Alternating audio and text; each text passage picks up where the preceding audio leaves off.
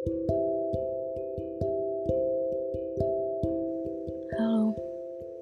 aku Naomi, salah satu orang yang suka berpikir sebelum tidur. Semoga malam ini kita bisa tidur dengan nyaman. Hari ini mau cerita lagi tentang takut. Kemarin kita udah cerita tentang takut kehilangan. Sekarang kita mau cerita tentang takut secara umum. Mungkin sebagian besar dari kita sedang merasa takut. Mungkin semua dari kita pernah merasa takut. Takut dalam hal apa pun itu. Takut dengan otoritas, atau takut dengan atasan, takut dengan lingkungan, takut dengan penyakit, takut kehilangan, takut tidak dipandang, apa pun itu. Pada dasarnya, takut tidak akan membawa kita ke mana-mana kalau kita tenggelam di dalamnya. Pada dasarnya, takut menghambat begitu banyak hal untuk terjadi dalam hidup kita aku melanjutkan lagi membaca buku Don't Give Up dari Kyle Idleman. Di sana dia ada mengutip salah satu hasil um, penelitian dari psikolog Robert Leahy yang menegaskan bahwa rata-rata anak masa kini memperlihatkan tingkat kekhawatiran yang sama dengan rata-rata pasien psikiatri pada tahun 1950-an menarik ya teman-teman. Um, aku pikir di masa-masa sekarang memang banyak yang bisa memicu kekhawatiran kita karena kita tahu begitu banyak. Lewat sosial media kita tahu teman-teman SMP kita dulu udah achieve apa aja sih dalam hidupnya dan kita mulai membandingkan dengan diri kita lewat sosial media kita tahu tentang bagaimana sekarang COVID-19 udah menyebar. Dan gak jarang lewat sosial media kita semakin takut dengan pandemi COVID-19 karena banyaknya hoax yang beredar. Jadi kupikir masuk akal kalau zaman sekarang lebih banyak orang yang merasa khawatir atau takut dibandingkan zaman dulu. Bahkan di sini dia bilang perbandingannya sama dengan rata-rata pasien psikiatri pada tahun 1950-an. Wow. Sebenarnya apa sih yang buat kita takut? Teman-teman boleh pikir sebentar. Sebenarnya apa sih yang buat kalian takut? Takut dengan atasan, takut dengan lingkungan, takut dengan relasi. Apa yang buat kita takut.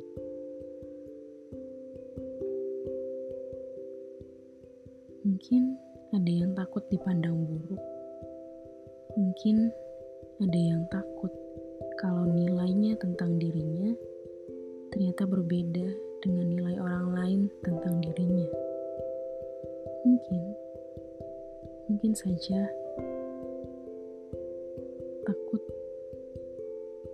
menjadi lebih kecil dari apa yang seharusnya. Takut menjadi tidak ideal di mata diri sendiri ataupun di mata orang lain. Tahukah kamu bahwa rasa takut bisa menghambat banyak hal? Dulu, waktu skripsian, aku bahas tentang self-esteem. Rasa takut menjadi salah satu hal yang menghambat self-esteem. Atau bahasa sederhananya, rasa takut menghambat kepercayaan diri. Percaya diri itu tidak sekadar percaya diri. Percaya diri itu berisikan tentang bagaimana kita menilai diri kita sendiri dan tentang bagaimana kita tahu tentang apa yang sedang kita bicarakan ketika kita takut, hal ini jadi terhambat. Kita menjadi tidak yakin diri, dan kita menjadi, dan ternyata ketika kita tidak yakin diri, ada kecenderungan juga kita menjadi tidak sukses. Memang ini konteksnya umum ya. Ini salah satu teori dari Nathaniel Brandon. Menarik, karena buatku ini sangat benar. Waktu aku takut, gak banyak yang bisa aku lakukan. Waktu aku takut, aku semakin tidak yakin bahwa aku bisa mengerjakan sesuatu. Sehingga pada akhirnya, hal itu tidak aku kerjakan dengan maksimal. Dan ketika aku takut, aku sangat-sangat meragukan diriku sendiri. Apakah ada teman-teman yang merasakan hal yang serupa?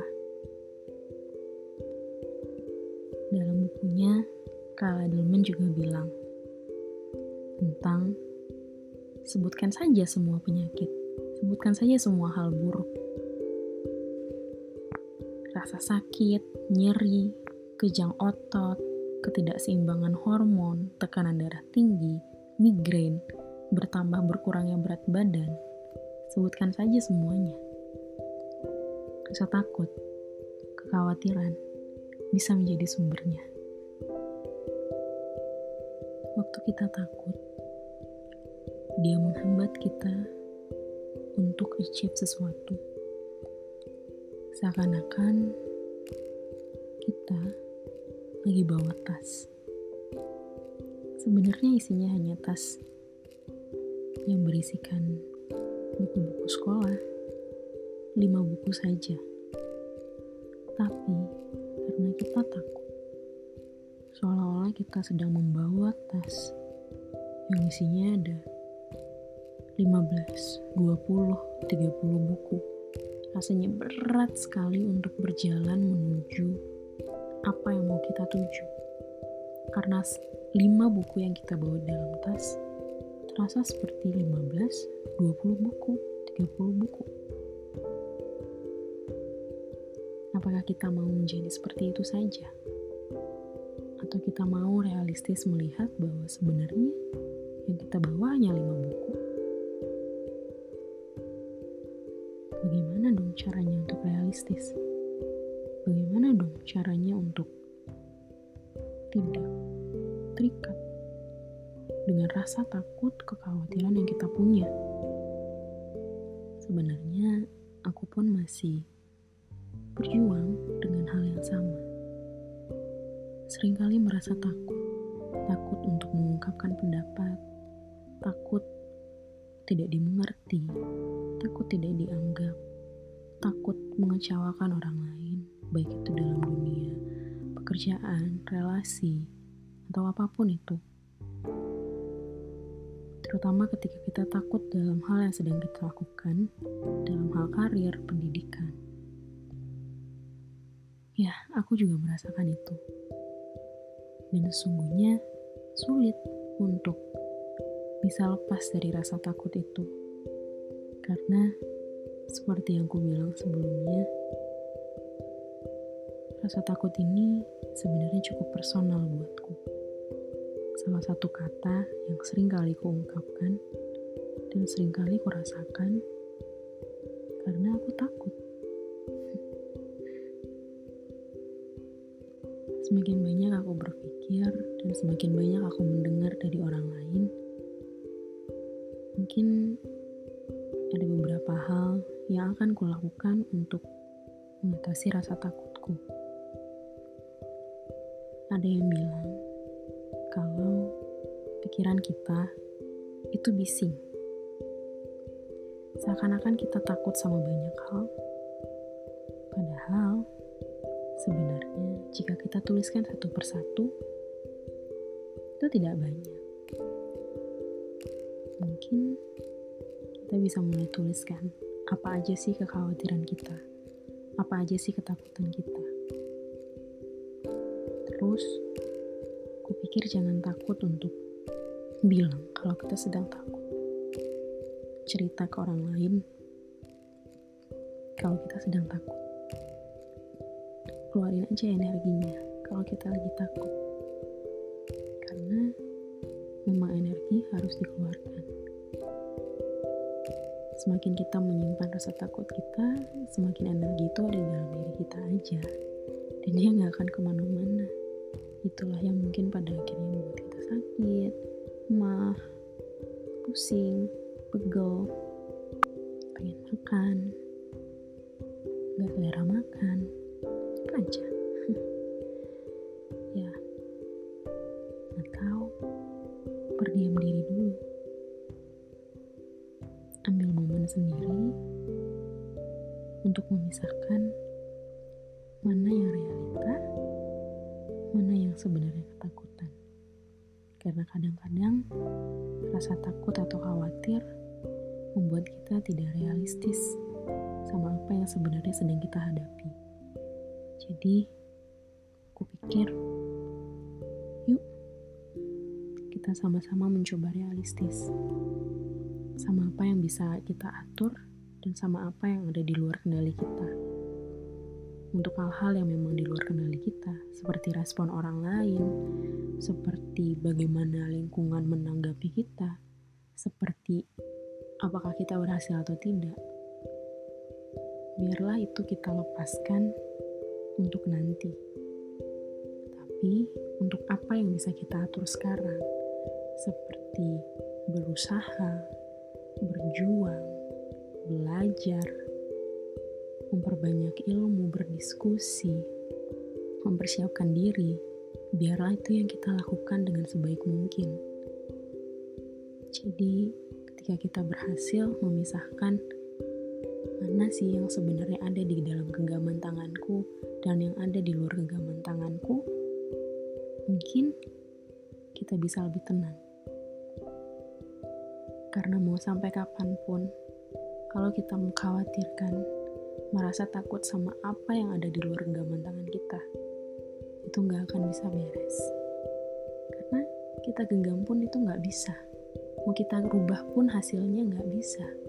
Masa kita mau ganti, gimana caranya orang respon kita, itu kan tergantung orangnya ya cuy. ya, itu semangat ya semuanya. Semoga buat aku, buat kalian yang sedang merasa takut, pernah merasa takut, atau sering kali merasa takut dengan apa pun itu, kita bisa belajar untuk melihat apa yang di dalam kendali kita dan apa yang di luar kendali kita. Itu aja ceritaku hari ini. Semoga malam ini semuanya bisa tidur dengan nyaman. Selamat tidur.